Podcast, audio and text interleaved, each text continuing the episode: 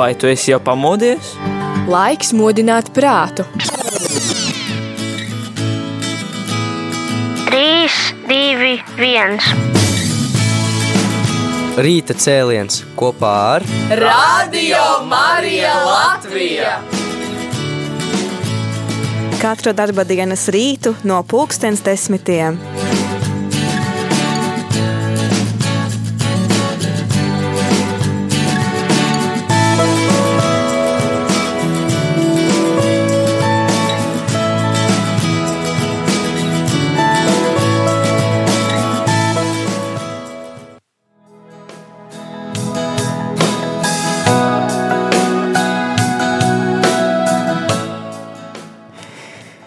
Nu, ko ir desmit un nu, jau gandrīz 20 minūtes pāri desmitiem. Ar tevi kopā studijā ir Rihards. Un es, Jolanta.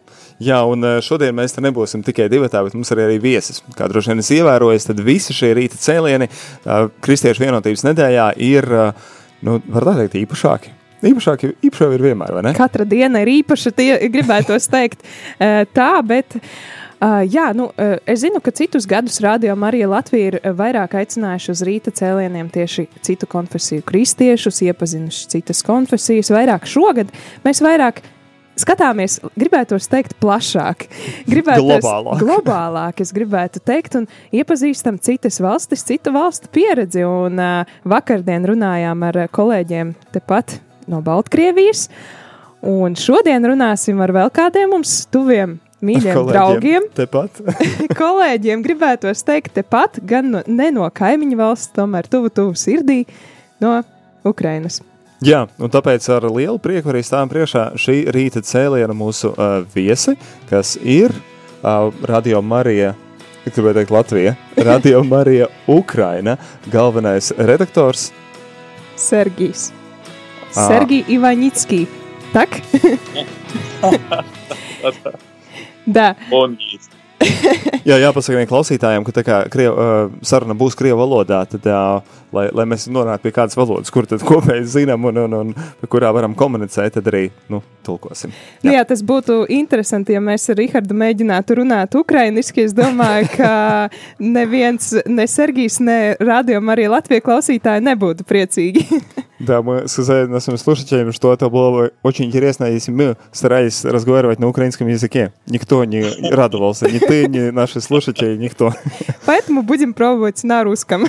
Jā, uh, nu lūk, uh, nu ko tad? Droši vien jautāsim un sāksim ar to, tad uzzināt, kā te viņam vispārīgi iet, kāda situācija ir Ukrainā, vai ne? Да, я, я слышала очень много раз э, от э, нашего директора, а также от моих коллег, которые э, очень часто ставят нам Украину как такой пример. Например, когда мы у нас есть марафон, тогда всегда мы вс- вспоминаем то, что когда э, у вас была война, э, вы были сами в э, тяжелом состоянии, но вы все-таки помогали, чтобы в Латвии появилось э, радио Мария. Вы посылали нам свои пожер- пожертвования. И так э, мы сейчас тоже, ну, как бы, э, да, вдохновляемся от вас еще, еще до сих пор. А прошло уже пять лет. Ну вот. А, к сожалению, у нас война до сих пор идет, просто мы уже привыкли, да, воспринимаем ее, ну, более с холодной головой, научились с этим жить, да, Бог дает нам возможность идти дальше, несмотря на такие трудные времена. Э, А что касается вдохновения, ну, э, я думаю, что все радиомарийники меня поймут, что первый такой источник э, вдохновения на радио Мария, соответственно, Богородица, которая творит чудеса, какой бы ни был, какое бы ни было настроение до эфира, в эфире оно преображается и становится только лучше. Ja tīs arī uzreiz iztolkosim, tad uh, Jolanta uh, minēja šo jautājumu, un kā to, ka mēs uh, radījām arī Ukrainu vienmēr kā piemēru arī šeit mm, sev viens otram arī sakam, un arī jums, klausītāji, esam uh, pasnieguši to kā piemēru, jo sevišķi marietonu laikā, jo tieši 2015. gads, rudens bija tas, kad radījuma arī Latvijas sāka strādāt. Zinām, ka arī 15. gadā, 14. gadā sākās arī šī nemiera situācija, tāda, kāda viņa Ukrainā ir. Un tad viņi, nesoties uz to, ka, nu, saucot lietas īstajos vārdos, valstī notiek karš, viņi tāpatās mums palīdzēja ar ziedojumiem un tā vietā, lai tomēr rūpētos par sevi, bet rūpējas arī par to, lai tāda iespēja radio Marija varētu būt arī citā valstī, kā Latvijā. Un tad arī tagad arī Sergijs saka to, ka uh, jā, kad uh, diemžēl, diemžēl uh, situācija valstī nav īsti mainījusies. Vēl joprojām tāpatās ir šī kara situācija, varbūt tās visi ir vairāk pieraduši un tāpēc arī uh, pieiet uh, nedaudz ar tādu vēsāku prātu pie situācijas, bet, uh, bet īsti tā nav mainījusies. Bet nu, par to iedvesmu uh, nu, tā ir diamāte, kas dara brīnumus, un, un, un kurai pateicoties, tad arī ēters var eh, būt tāds, kāds tas ir, un arī varam palīdzēt viens otram, un tad būt vienoti, jo tas ir iedvesma nāk no diamātes. Да. Да, да, спасибо. Ну, говоришь, что ситуация все еще в Украине такая, как она была, не, не, не стала лучше, не? Нет, к сожалению, нет. Но есть у нас перемирие, но перемирие как бы это такая э, очень шаткая ситуация, то есть постреливают, стало меньше убитыми наших солдат, которые стоят на линии фронта. Это правда, некоторые затища тоже существуют, но все-таки и регулярные войска Российской Федерации, и э, инспирированные ими так называемые э, ДНР и ЛНР все еще на линии соприкосновения – поэтому пока что, к сожалению, ситуация очень и очень напряжена. Nu, jā, tad uh, prasīja, tiešām tā situācija tāda arī ir palikusi, un, un, un, un kā Sergejs saka, tad jā, situācija, diemžēl, nav īsti ne, ne cik uzlabojusies. Ir tā kā tāds pamieris noslēgtais, bet tas pamieris nav tāds, kas tiešām arī tiktu ievērots, un tāpat tās vēl joprojām ir pašaudās no vienas puses, pašaudās no otras ir tāpat tās, uh, bet, nu, ir nedaudz labāk tas, ka ir mazāk bojā gājušo. Vismaz eh, šajā brīdī situācijā ir mazāk bojā gājušo un Ukraiņas pusē karavīru. Tas, tas ir labāk, bet nu, īsti miers nav. Un situācija joprojām ir tāda, ka ir jāpatur savos lūkšanas nodomos. Jā, to mēs vienmēr darām un esam arī darījuši. Ну, если, если говорить о Радио Мария, как долго на Украине вообще существует Радио Мария, и что у вас сейчас нового, что актуально им, именно на радио Э, Мария, как вы отмечаете или вообще отмечаете эту э, неделю молитвы за христиан? А, ну, во-первых, э, позвольте сделать такой реверанс в сторону Радио Мария Латвия, потому что особо оно остается в моем сердце.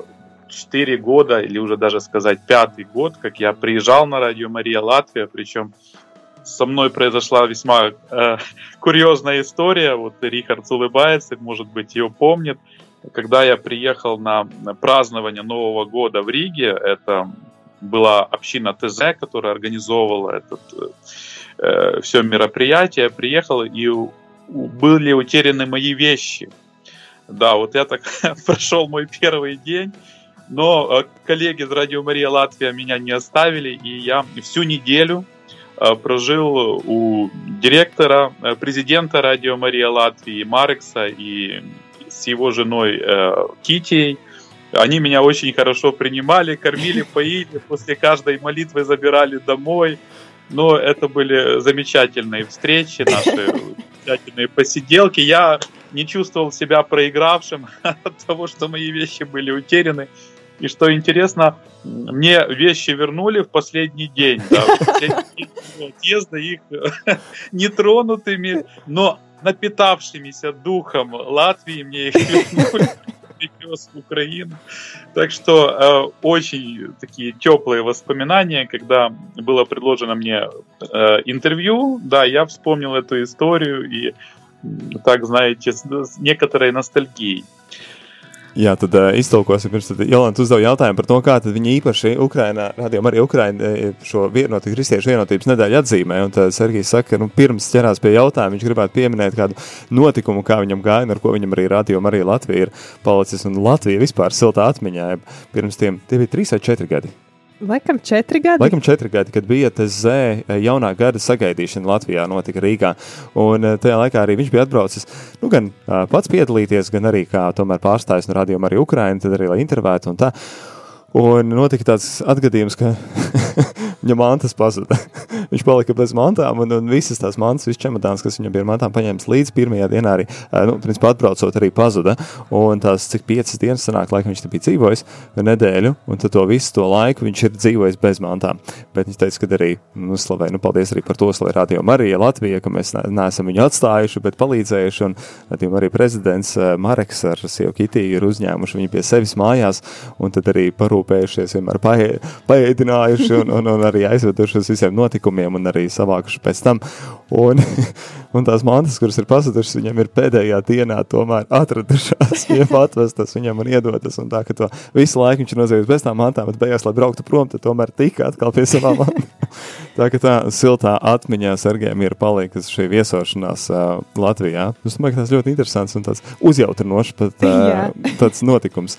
Uh, спасибо большое за это. Ну и сейчас этот вопрос. Как у вас там особенно программа в это христианское единство? Okay. А, Йоланта спрашивала, как Радио Мария существует 10 лет. Существует э,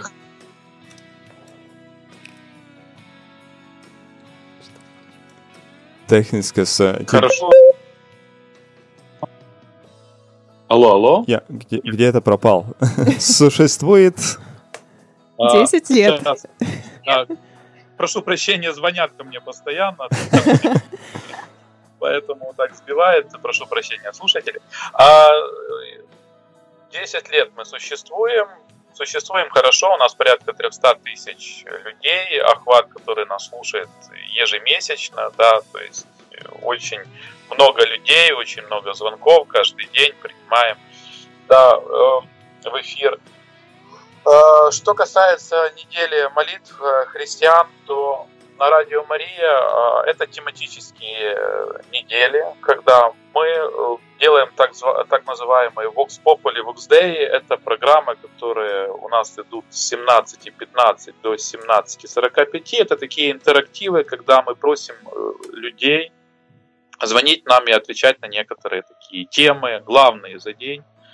И на эти программы, вот когда есть неделя молитв, мы приглашаем разных иерархов, разных пастырей, разных священников, да, которые нам свидетельствуют о том, как они на протяжении года общаются между собой. Вот, вот так. Еще плюс у нас есть такие большие программы, э, куда мы на протяжении всего года приглашаем э, разнообразных э, представителей разных конфессий, греко-католиков, э, пастырей евангельских церквей, протестантских, э, православных христиан. Так что у нас экономический диалог на Радио Мария не истощается на протяжении года и концентрируется как раз в эти недели особым случаем.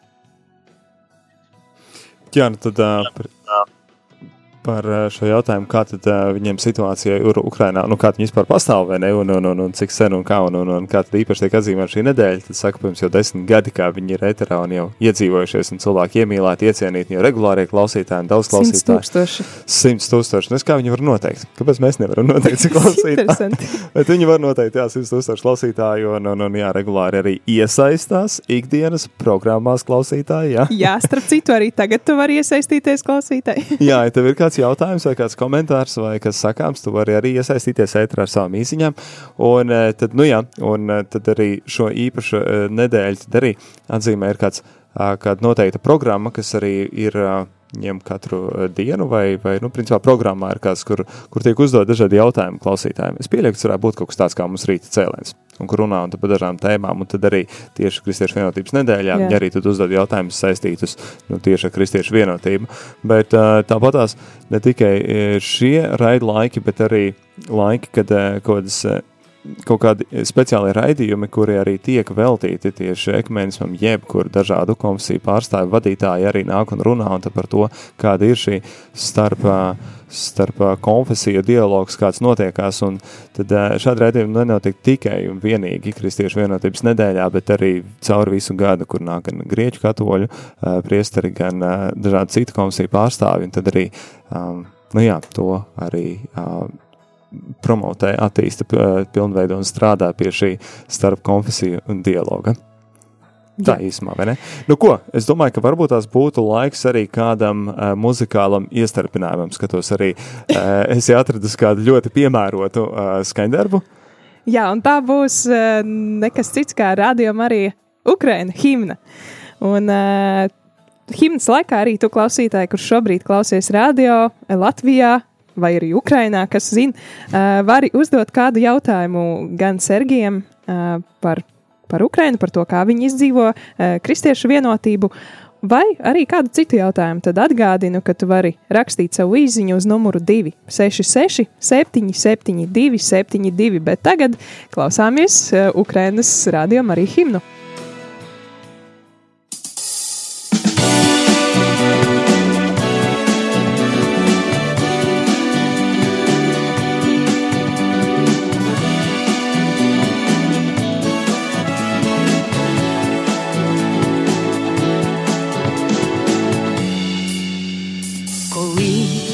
Збуваються мрії, коли життя без прикрас, царице світу Маріє, молися за нас, коли світанок зоріє, і чистий вогонь ще не згас, царице наша Маріє, молися за нас.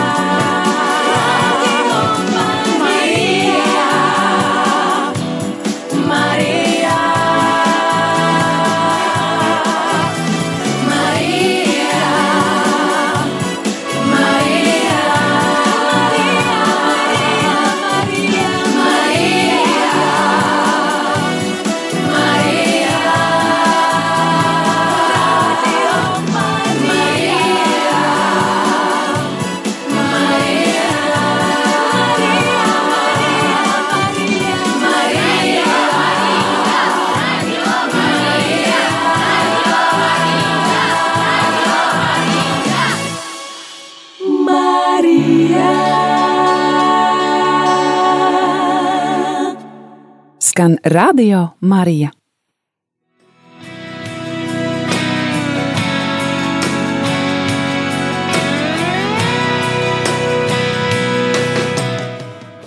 Skan Radio Marija, Latvija. Un ir 10 un 36 minūtes, bet tikko tu dzirdēji radio Marija Ukrainas himnu.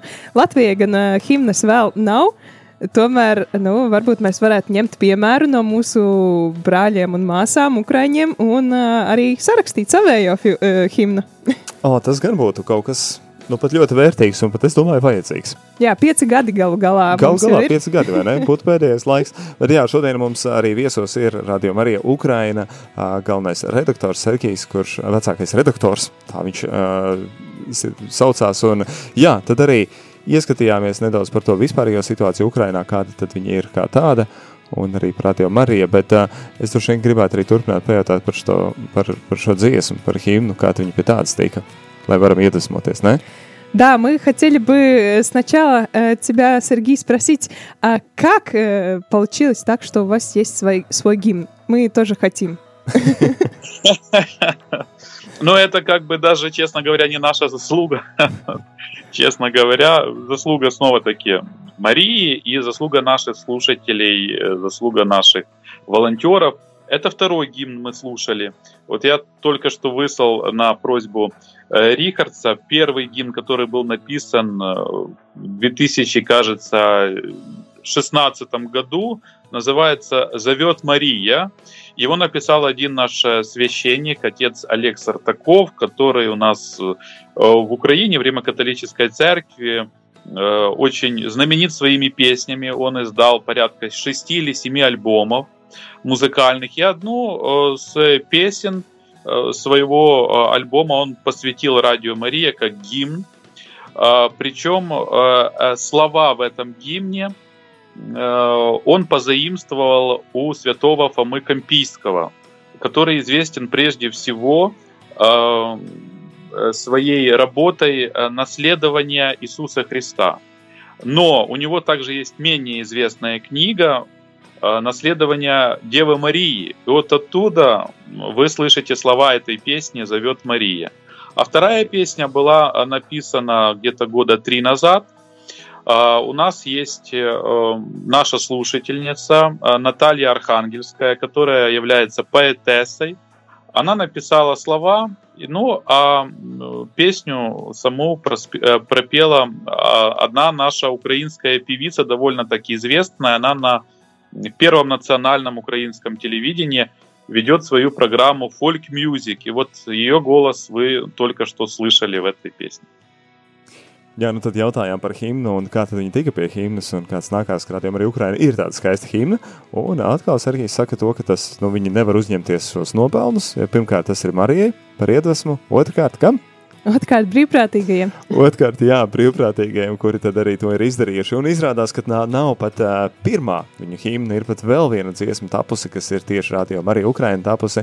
Un tā bija kāda uh, priestara, kurš tur slavens ir ar savām dziesmām, slavens ar savu balsi, jau septiņus albumus izdevis. Un arī, arī tā dziesma, kas bija tapusi, ja tas, uh, nezinu, mēs pie viņa tiksim vai netiksim, bet, uh, bet, uh, bet jā, tas uh, viņš bija uh, no Svētā Toma, uh, iedvesmojies kaut kāds grāmatas grāmatas, kur, kur tad arī šie vārdi bija ņemti. Bet savukārt tad šī himna, kas, ko mēs dzirdējām, bija izpildīta kādas mākslinieces, kādas zināmas personas, kas viņiem arī ir par brīvprātīgo, bet arī Nacionālajā televīzijā vada savu folku mūzikas raidījumu. Tā kā tāda zināma persona, bet ir arī radio, arī Ukraina brīvprātīgā, un tad arī iedziedājas šādu skaistu himnu. Nu ko, forši brīvprātīgie. Mums jau arī forši brīvprātīgie. Nu, mums arī forši. Un no viņiem arī mēs gaidām šādu. Я, но вопрос еще про, ну тоже про волонтеры. А как у вас есть, сколько у вас вообще есть волонтеров, и они только Рима-католики, греко-католики или тоже протестанты? Какая ситуация? А, но поскольку Радио Мария уже, э, слава богу, 10 лет исполнилось, у нас достаточно большая объемная база э, волонтеров. Одна из этих э, волонтеров достаточно часто появлялась и на Рижском радио Мария, Ира Братюк, которую, я уверен, вы хорошо знаете, которая была миссионером э, в Латвии где-то около года от школы христианской жизни и евангелизации Святой Марии отца Петра Куркевича, куда входил и Рихард. Так знаем, что... знаем. Йоланта да. тоже там ходила, обе. А, поэтому, но а, она одна из 370 волонтеров, которая есть в базе у нас. То есть, по сути, на год по одному волонтеру у нас есть каждый. Но э, следует также честно признать, что активных волонтеров, то есть которые задействованы в наших эфирах, значительно меньше. А, то есть э, в день э, к нам приходят на молитвенные линии по два волонтера. Э, по два волонтера в день, ну и по четыре, ну это будние дни по два, а по четыре на выходные дни, следует сказать, что на выходные дни только волонтеры обеспечивают эфир. Да, только волонтеры, вот они с утра до ночи роптят над э, эфирами Радио Мария, будучи в рубке. Да, так что мы очень им признательны. Это если говорить о светских. Если подключить к этой цифре э, сестер-монахинь, священников, а у нас по две катехизы каждый день в прямом эфире, по две катехизы, то можно сюда легко добавить еще около 60 э, священников. Это база наша которые ротируются между собой, но еще около 20 монахинь. Ну, то есть до, 5, до 500 волонтеров, э, то есть номинальных есть, ну и около где-то 80 таких стабильных, активных, которые у нас каждый месяц, можно сказать, очень сильно нам помогают. А, что до конфессий, но, ну, конечно, римо-католики преобладают статистически. Я думаю, что греко-католиков тоже много. То есть, если Рима-католиков около 60%, то 30% греко-католики э, волонтеры, ну и 10 это другие какие-то конфессии, там православные, протестанты, и англика... Евангельские церкви и так далее. Pilnīgi nācās pierakstīt ciparus. Jā, nu, tas pirmais cipars jau man uzreiz palika atmiņā - 370 brīvprātīgie. Kas ir tāda viņu datu bāzē, un, un, un tas principā katrai gada dienai pietiek pa brīvprātīgajiem.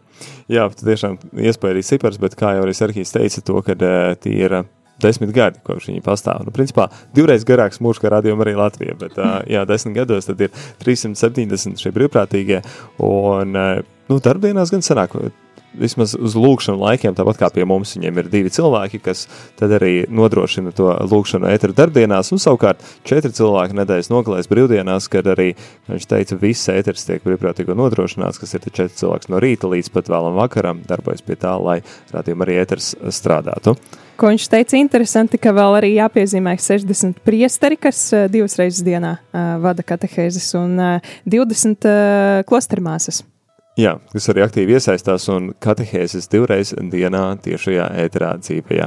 Vienmēr zinām, ka arī mēs ļoti priecājamies un pateicamies priesterim Pēterim par viņa ikrīta katehēzēm un droši vien, ka, ja nu, ja vēl kāds priesteris justu tādu, tādu aicinājumu, arī zem mēs arī atbrīvotu vietu programmā, lai būtu vēl kaut kāds dienā tās laiks priekš katehēzes, vai ne? Jā, piemēram, pēcpusdienā vai vakarā tieši, es domāju, ļoti labi būtu.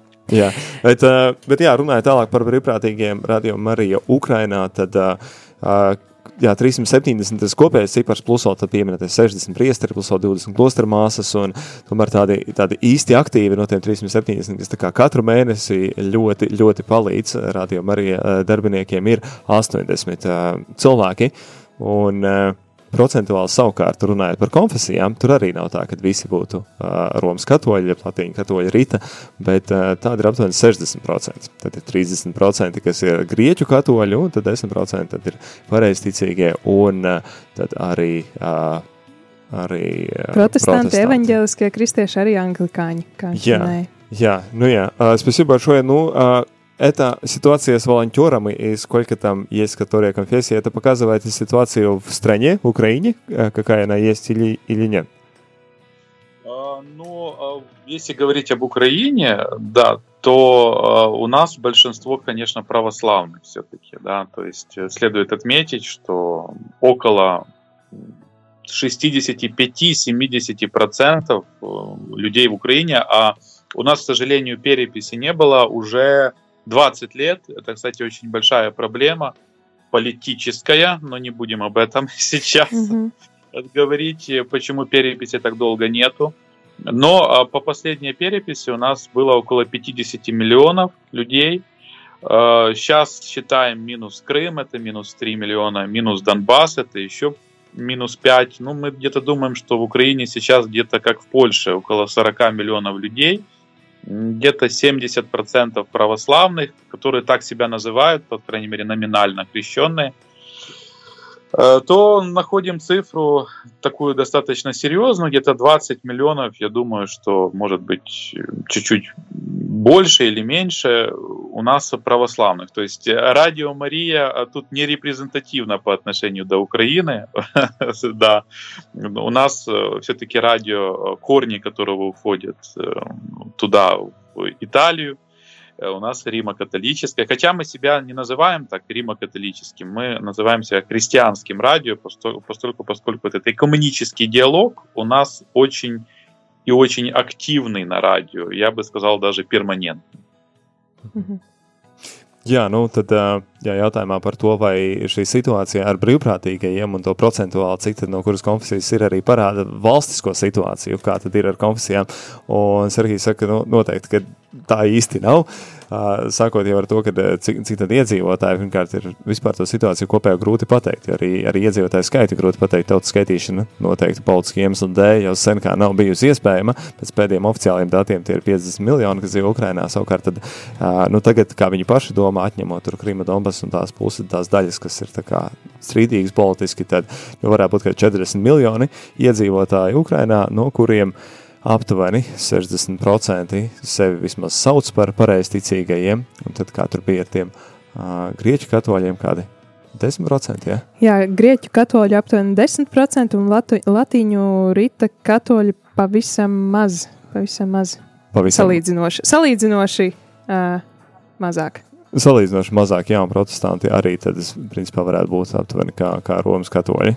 Jā. Tā, tā daudzumā, jā. Tad, bet arī Sarīs teica to, ka viņi sevi arī nesauc par, par Romas katoļu radiostaciju, bet gan par kristīgu radiostaciju. Jo tad arī šis, kā iepriekš pieminētais ekumeniskais dialogs, notiek jau no, nu, viņš, viņš visu laiku notiek, viņš visu laiku ir un visu laiku viņi arī, arī kā tāda kā tāda paliekoša vērtība, ka tas nav tikai tās kristiešu vienotības, bet vispār radio Marija Ukraina, kā tāds, nu jā, tā daba, nature. Permanentni, viņš teica tā, tad permanents, pastāvīgs, paliekošs, neizdzēšams. Jā. jā, jā. Jā, nu ko? Um, nu ko, Varbūt atkal muzikāls iestarpinājums par Sergiju izvēlēts. Jā, šoreiz dziesmu ir izvēlējies pats Sergijs, un uh, nosaukums ir Kvitka Не могу раз прочитать, Сергей, помоги. Квитка Цисок. Квитка Цисок. Ага. Да, И хорошо. что это означает? А, ну, это фамилия и имя. Квитка это цветок. Цветок. Квитка это цветок. Ага. И песня будет... Флауа. Ага. Флауа. Пути. Пути. Ладно, спасибо.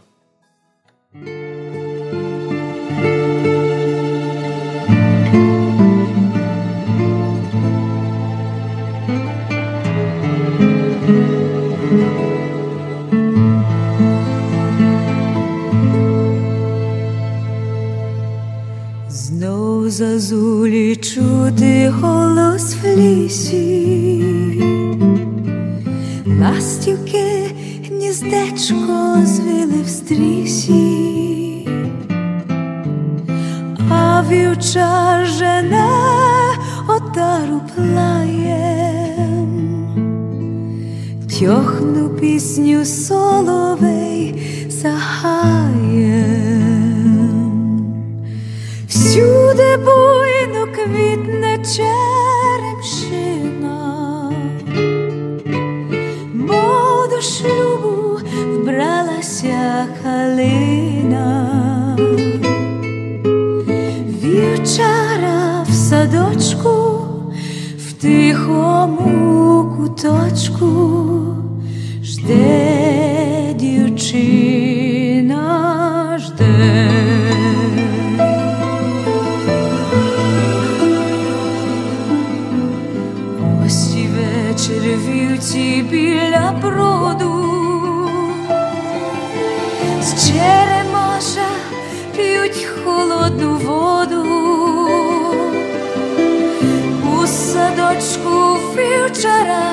зустрічає.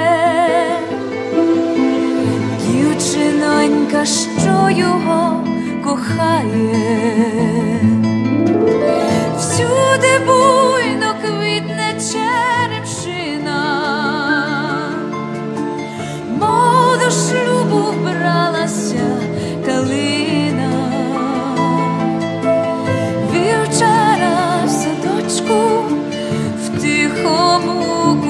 куточку жде дівчина жде, всюди буйно квітне черемшина, мов до шлюбу вбралася калина, вівчара в садочку, в тихому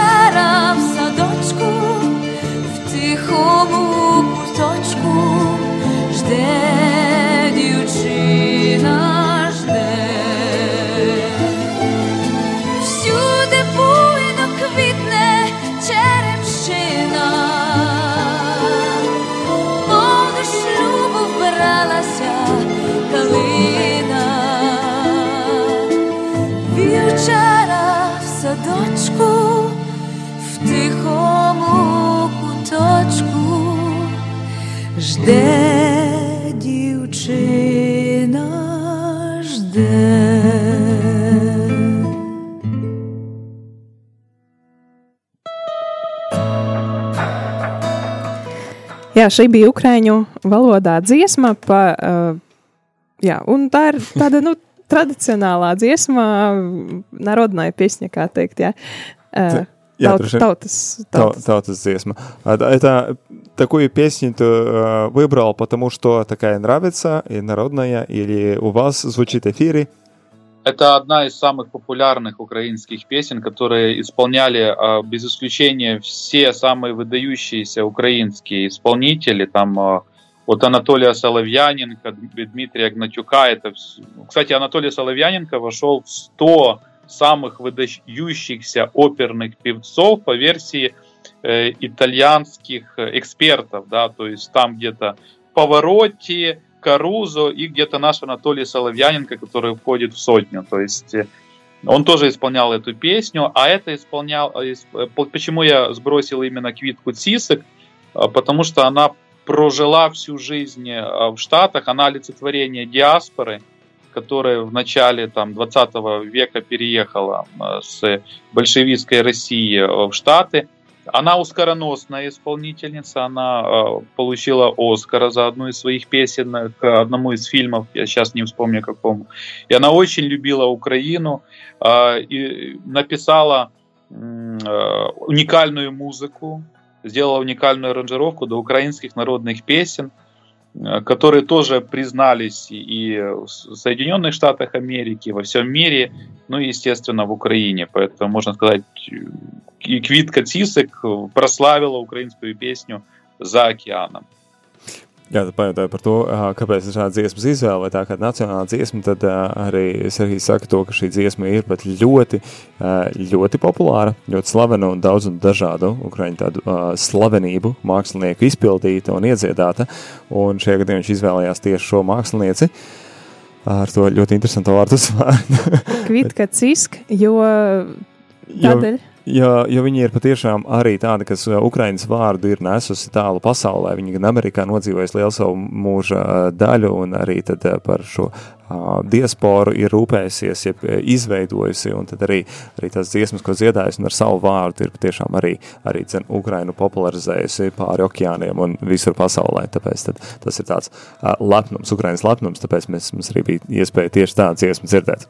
Bet, uh, nu ko, es domāju, ka vajadzētu apjautāties mums arī par to, kā ir tiem klausītājiem. Vai klausītāji tad ir dažādi konfesiju vai ne, vai, vai, vai, vai tikai katoļi, un, un ko tad viņi domā, un ko tad viņi jūt par to, ka nu, radio, radio nav tikai tāds katoļu radiostācija, bet ir tiešām rūpēs par šo ekumenisko dialogu?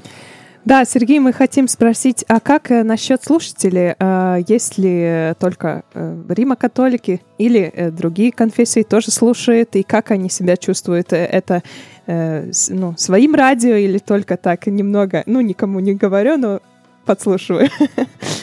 Как А, есть? Значит, более компетентно, конечно, можно говорить о том, как мы отслеживаем интернетопоток. У нас есть такая программа, думаю, Радио Мария Латвия тоже, э, откуда идут заходы слушателей да, на интернет-прослушку. И мы смотрим по регионам, областям, э, и, соответственно, насколько эти областя и регионы есть римо-католические, там, или греко-католические, или православные.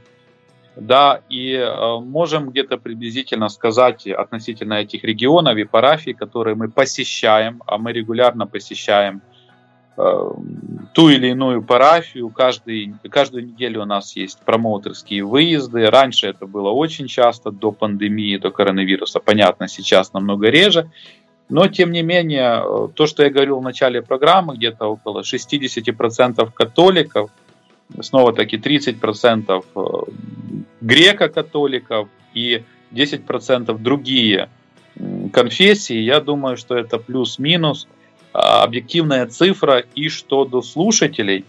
А, Но а, в последние годы, особенно после того, как э, мы стали уже активно осуществлять э, трансляцию на Львов, а это считается греко-католический регион, область, то э, динамически стала возрастать аудитория именно греко-католической церкви. Jā, tad pirmkārt arī Sergejs painformēja par to, ka situācija, tad, kā, kā viņi zina, ka viņiem tik daudz, ne 100 tūkstoši, bet 300 tūkstoši klausītāji ir. Un tad tas ir tiek ņemts pirmkārt no internetu klausītājiem, ja to kā, arī mēs varam zināt, un tad arī kā, viņi regulāri, kā ļoti bieži brauc uz dažādām draudzēm, uz, uz visām Ukraiņas pusēm, tad tur arī skatās, cik tur ir tie, kas ir, kas ir draudzes locekļi, kas klausās radio arī tāpat arī no ziedojumiem, un tā tādu vidēju aritmētisko izvalku un atrod, cik ir to klausītāju. Un saka, tad tie pieminēti arī brīvprātīgie 60% Romas katoļi, 30% grieķu katoļi, 10%, kur ir tad pareizticīgie un protestanti, tas aptuveni varētu arī atspoguļot tos klausītājus, kāda tad ir Radio Marija Ukraina. Un, А как, как эти слушатели смотрят, что вы такая радиостанция, которая не, не полностью католическая радиостанция, но как бы такая экуменическая, христианская радиостанция? Они не против того, что думают, что будет та католическая радиостанция, но не, это немножко другая? Нет, как раз я скажу, что это нам помогло даже сильно, потому что, ну, в основном экуменический диалог, он э, очень хороший у нас в Украине, но есть определенные нюансы, как знают, думаю, многие слушатели э, радио Мария Латвия. Э, православная церковь Украины два года назад, вот была годовщина, получила Томас Вселенского, от Вселенского патриарха Варфоломея. И когда мы говорили, что мы радио экуменическое, когда их только приглашали к сотрудничеству, да, то что мы не только католическое мы приглашаем, это как раз э, наоборот открывало э, ворота к такому диалогу, и уже, дай бог памяти, лет семь э, православные наши братья имеют свои программы на радио Мария. Есть такой епископ Евстратий Заря, он спикер Православной Церкви Украины. Так, он, так вот, он под послушание дал задание двум священникам, чтобы они обязательно под страхом э, смертного греха да, приходили на радио Мария и делали, делали программы. И поэтому они, э, это молодые священники, один из них монах Михаил Карнаух, другой священник Петр Лопатинский – они каждую среду имеют свою программу, приближаясь к православию, где рассказывают про православную теологию. То есть я же говорю, что когда мы только ее начинали, это очень помогло. То же самое могу сказать относительно наших братьев греко-католиков. Мы часто делаем, вот я в частности, интервью с греко-католическими э, епископами, включая, конечно же, главу УГКЦ Святослава Шевчука – который всегда принимает с радостью и выделяет достаточно много времени для объемных, реально больших и болезненных вопросов. То есть никакой цензуры, никаких ограничений на любые темы нет, и это, поверьте, дорогого стоит. Jā, paldies par tādu izvērstu atbildi. Tad, tad mēs pajautājām Sergejam, kā tad ir, vai klausītāji um, nu, nu, tā kā nav vīlušies, ka e, nav tikai viena. Neiebilst pret to, jā. Jā, jā, jā. vai neiebilst, ka radio ir ekumēnisks un arī liek tādu uzsvaru uz to, ka tas ir e, kristīgais ekumēniskais radio. Un e, Sergejs atbildēja, nē, tieši otrādi, ka e, šīs mūsu, nu, Ukrāņu ekumēniskais atvērtība pa, tieši vēl vairāk viņiem ir palīdzējusi, jo pirms diviem gadiem notika tāda lieta, ka Ukrainas pareizticīgo baznīcas Mm, es tagad nemācīšu paskaidrot pareizi, kas, kas, kas tas bija. Uh. Atbildīgais galvenais par Ukrainas pareizticīgo baznīcu. Jā, par Ukrainas pareizticīgo baznīcu. Tātad viņš deva rīkojumu uh, obligāti, uh, obligāti diviem no saviem priesteriem vadīt um, vadīt raidījumus radio Marijā. Tātad viņiem ir uh, pašiem savi raidījumi pareizticīgajiem, kur, ar, kuros arī viņi uh, skaidro gan savas ticības patiesības, gan arī runā par tādiem sāpīgiem jautājumiem un uh, strīdīgām tēmām, uh, kuras izrunā tādēļ, uh, nu, uh, kopumā ņemot. Uh, Ticīgie vispār radio Marija Ukrainā ļoti draudzīgi dzīvo savā starpā. Zini, ko pēc šīs sarunas man tā liekas, ka mēs esam soli nopakaļ un viņi iepaliekam no, no radījuma arī Ukrainas, un ka viņi tiešām tādā um, gaisotnē ekumenismi ir ļoti apsteiguši un arī rāda tādu labu piemēru. Atkal, kur mēs varam viņus ņemt par piemēru, vai ne? Jā, klausies, откал mēs uh, варам, варам uh, украинец нем по примеру. Мы сейчас с Рихардом uh, сделали, сделали такой вывод, что мы опять, uh, вы шаг впереди нам, и мы можем от вас только учиться этого экономического духа, как uh, дружить между, между собой. Ну и вот, да, может, в конце пожелания нам э, можешь сказать, и как, э, как, нам, как нам научиться этого, и как нам жить? Ну, э, во-первых, да, я бы не сказал, что кто-то там впереди кого-то. Да, да, абсолютно, знаете, не надо меряться тем, кто впереди или сзади, потому что Мария ведет каждая радио Мария э, своим направлением, путем. Я знаю, что у вас молодой коллектив, да, то есть у вас все где-то погодки. Это очень большое преимущество на, на самом деле, где вы можете говорить на одном языке, не только э, выражаясь буквально, но и соотносительно возрасту. Это ваше большое преимущество. Да, и я вам хочу в связи с этим пожелать, чтобы у вас никогда Э, не, не хватало тем новых, да, чтобы вы э, учились слышать в первую очередь друг другу, а не говорить. Вот Радио Мария учит слушать. Э, вначале всегда хочется больше сказать, а на самом деле надо уметь больше слушать. И э, я всегда говорю, что э, надо быть похожим на Марию, которая услышала то, что хотел от нее Господь Бог, Э, и послушалась. Вот я вам желаю дара распознавания того, что хочет от вас Бог через Марию, которая иногда переводит слова Бога на более понятный язык. Поэтому э, люблю радио Мария Латвия, ностальгирую и желаю вам творчих успехов, умения слушать, ну и помогать, потому что радио Мария, она, мне кажется, лучшее радио Мария в мире, вот лучшее поверьте, никогда не сомневайтесь, потому что э, иногда существует в Радио Мария некий такой комплекс. Ну вот мы там не профессионалы, мы делаем как получается. Такое прибеднение. На самом деле нет. Э, мы делаем хорошо свою работу, потому что у нас, э, скажем так, наш предводитель это сам Господь. Мы не можем делать это плохо, да.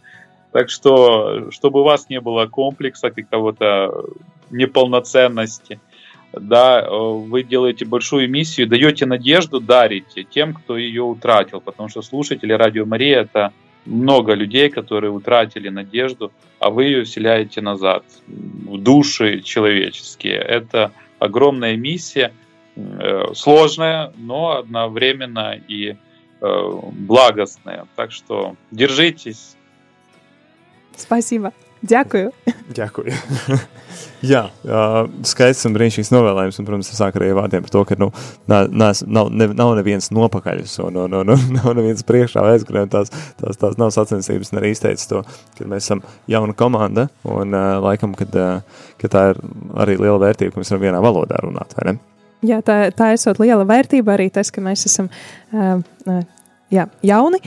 Un vēl viņš mums novēlēja vairāk klausīties nekā runāt, jo tomēr radio gribas eh, daudz runāt, bet viņš eh, novēlēja vispirms vairāk ieklausīties, un pēc tam, protams, arī eh, tas galvenais novēlējums būtu līdzīgiem Marijai, kad ta, tieši tajā, ka viņa klausījās Dievā un paklausīja viņam. Tāpēc, Jā. lai arī mēs klausāmies Dievā, paklausām viņam vairāk. Un, uh, Trešā lieta, ko viņš minēja, lai mēs neesam tādi, nu, kā teikt, nu, tik ļoti pieticīgi un mazvērtīgi, bet viņš minēja, ka radio arī esot labākais radio pasaulē.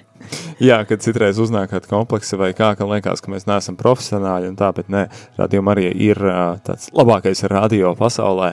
Ir sevišķi ar to, ka arī, kad uh, izskrēja izskrē doma no galvas, bet jā, ka cilvēkiem palīdzam, ka, ka tie cilvēki, kas ir zaudējuši cerību un ka dodam atkal cerību, un ka tas ir tas svarīgākais, kas arī padara radio Mariju par, par vislabāko radiostaciju pasaulē, ka patiešām, kad, kad esam kopā ar cilvēkiem, kas arī jā, kādā brīdī jūtās patiešām vientuļi vai patiešām zaudējuši cerību, tad mēs to atkal dodam. Un tas tad arī tas, ko principā arī Sergejs novēlēja. Un vēl viņš arī uh, minēja, ka viņam ir ļoti siltas atmiņas un uh, priecīgas domas, domājot par Latviju. Un pašā noslēgumā Сергей, в самом заключении этой передачи, этой, этой, этого разговора э, хотим вместе со своими слушателями пожелать тебя с днем рождения. Потому что Сергей сегодня э, проводит и празднует свой день рождения с нами. Э, Sergejam šodien ir dzimšanas diena, un mēs ar visiem rādījām arī Latvijas klausītājiem kopā gribam novēlēt viņam daudz laimes dzimšanas dienā un arī uh, apsolam par tevi palūkties. Я обещаю от тебя помолиться. Спасибо, это главное. И все слушатели тоже помолятся. Я надеюсь. Надеемся так, да. Спасибо большое, что нашел время сегодня, чтобы быть с нами, чтобы быть слушателями радио Мри Латвии. И приятные слова, которые нам прислал. Спасибо тебе большое. Спасибо, взаимно. Слава Иисусу Христу. Spēcīgākos slavu. Uh, jā, tad šodienas uh, rīta cēlēna viesis bija Radio Marija Ukraina vecākais redaktors Sergijs Ivanickis. Paldies viņam par šo interviju, par šo sarunu, un tad, nu ko, noslēgumā tad arī pieminētā vai izslavētā himna. Jā. Uh, otrā himna. Otrā... Pirmā, kas bija, un tad tā bija otrā. Jā, tā tad Kliču Marija, uh, jeb Calling O Mary, jeb saucu Ak, Marija. Un pēc tam arī tad eh, jau no tevis atvadāmies rīta cēlienu laikā. Jā, paldies un paliec kopā ar Radio Mariju Latviju.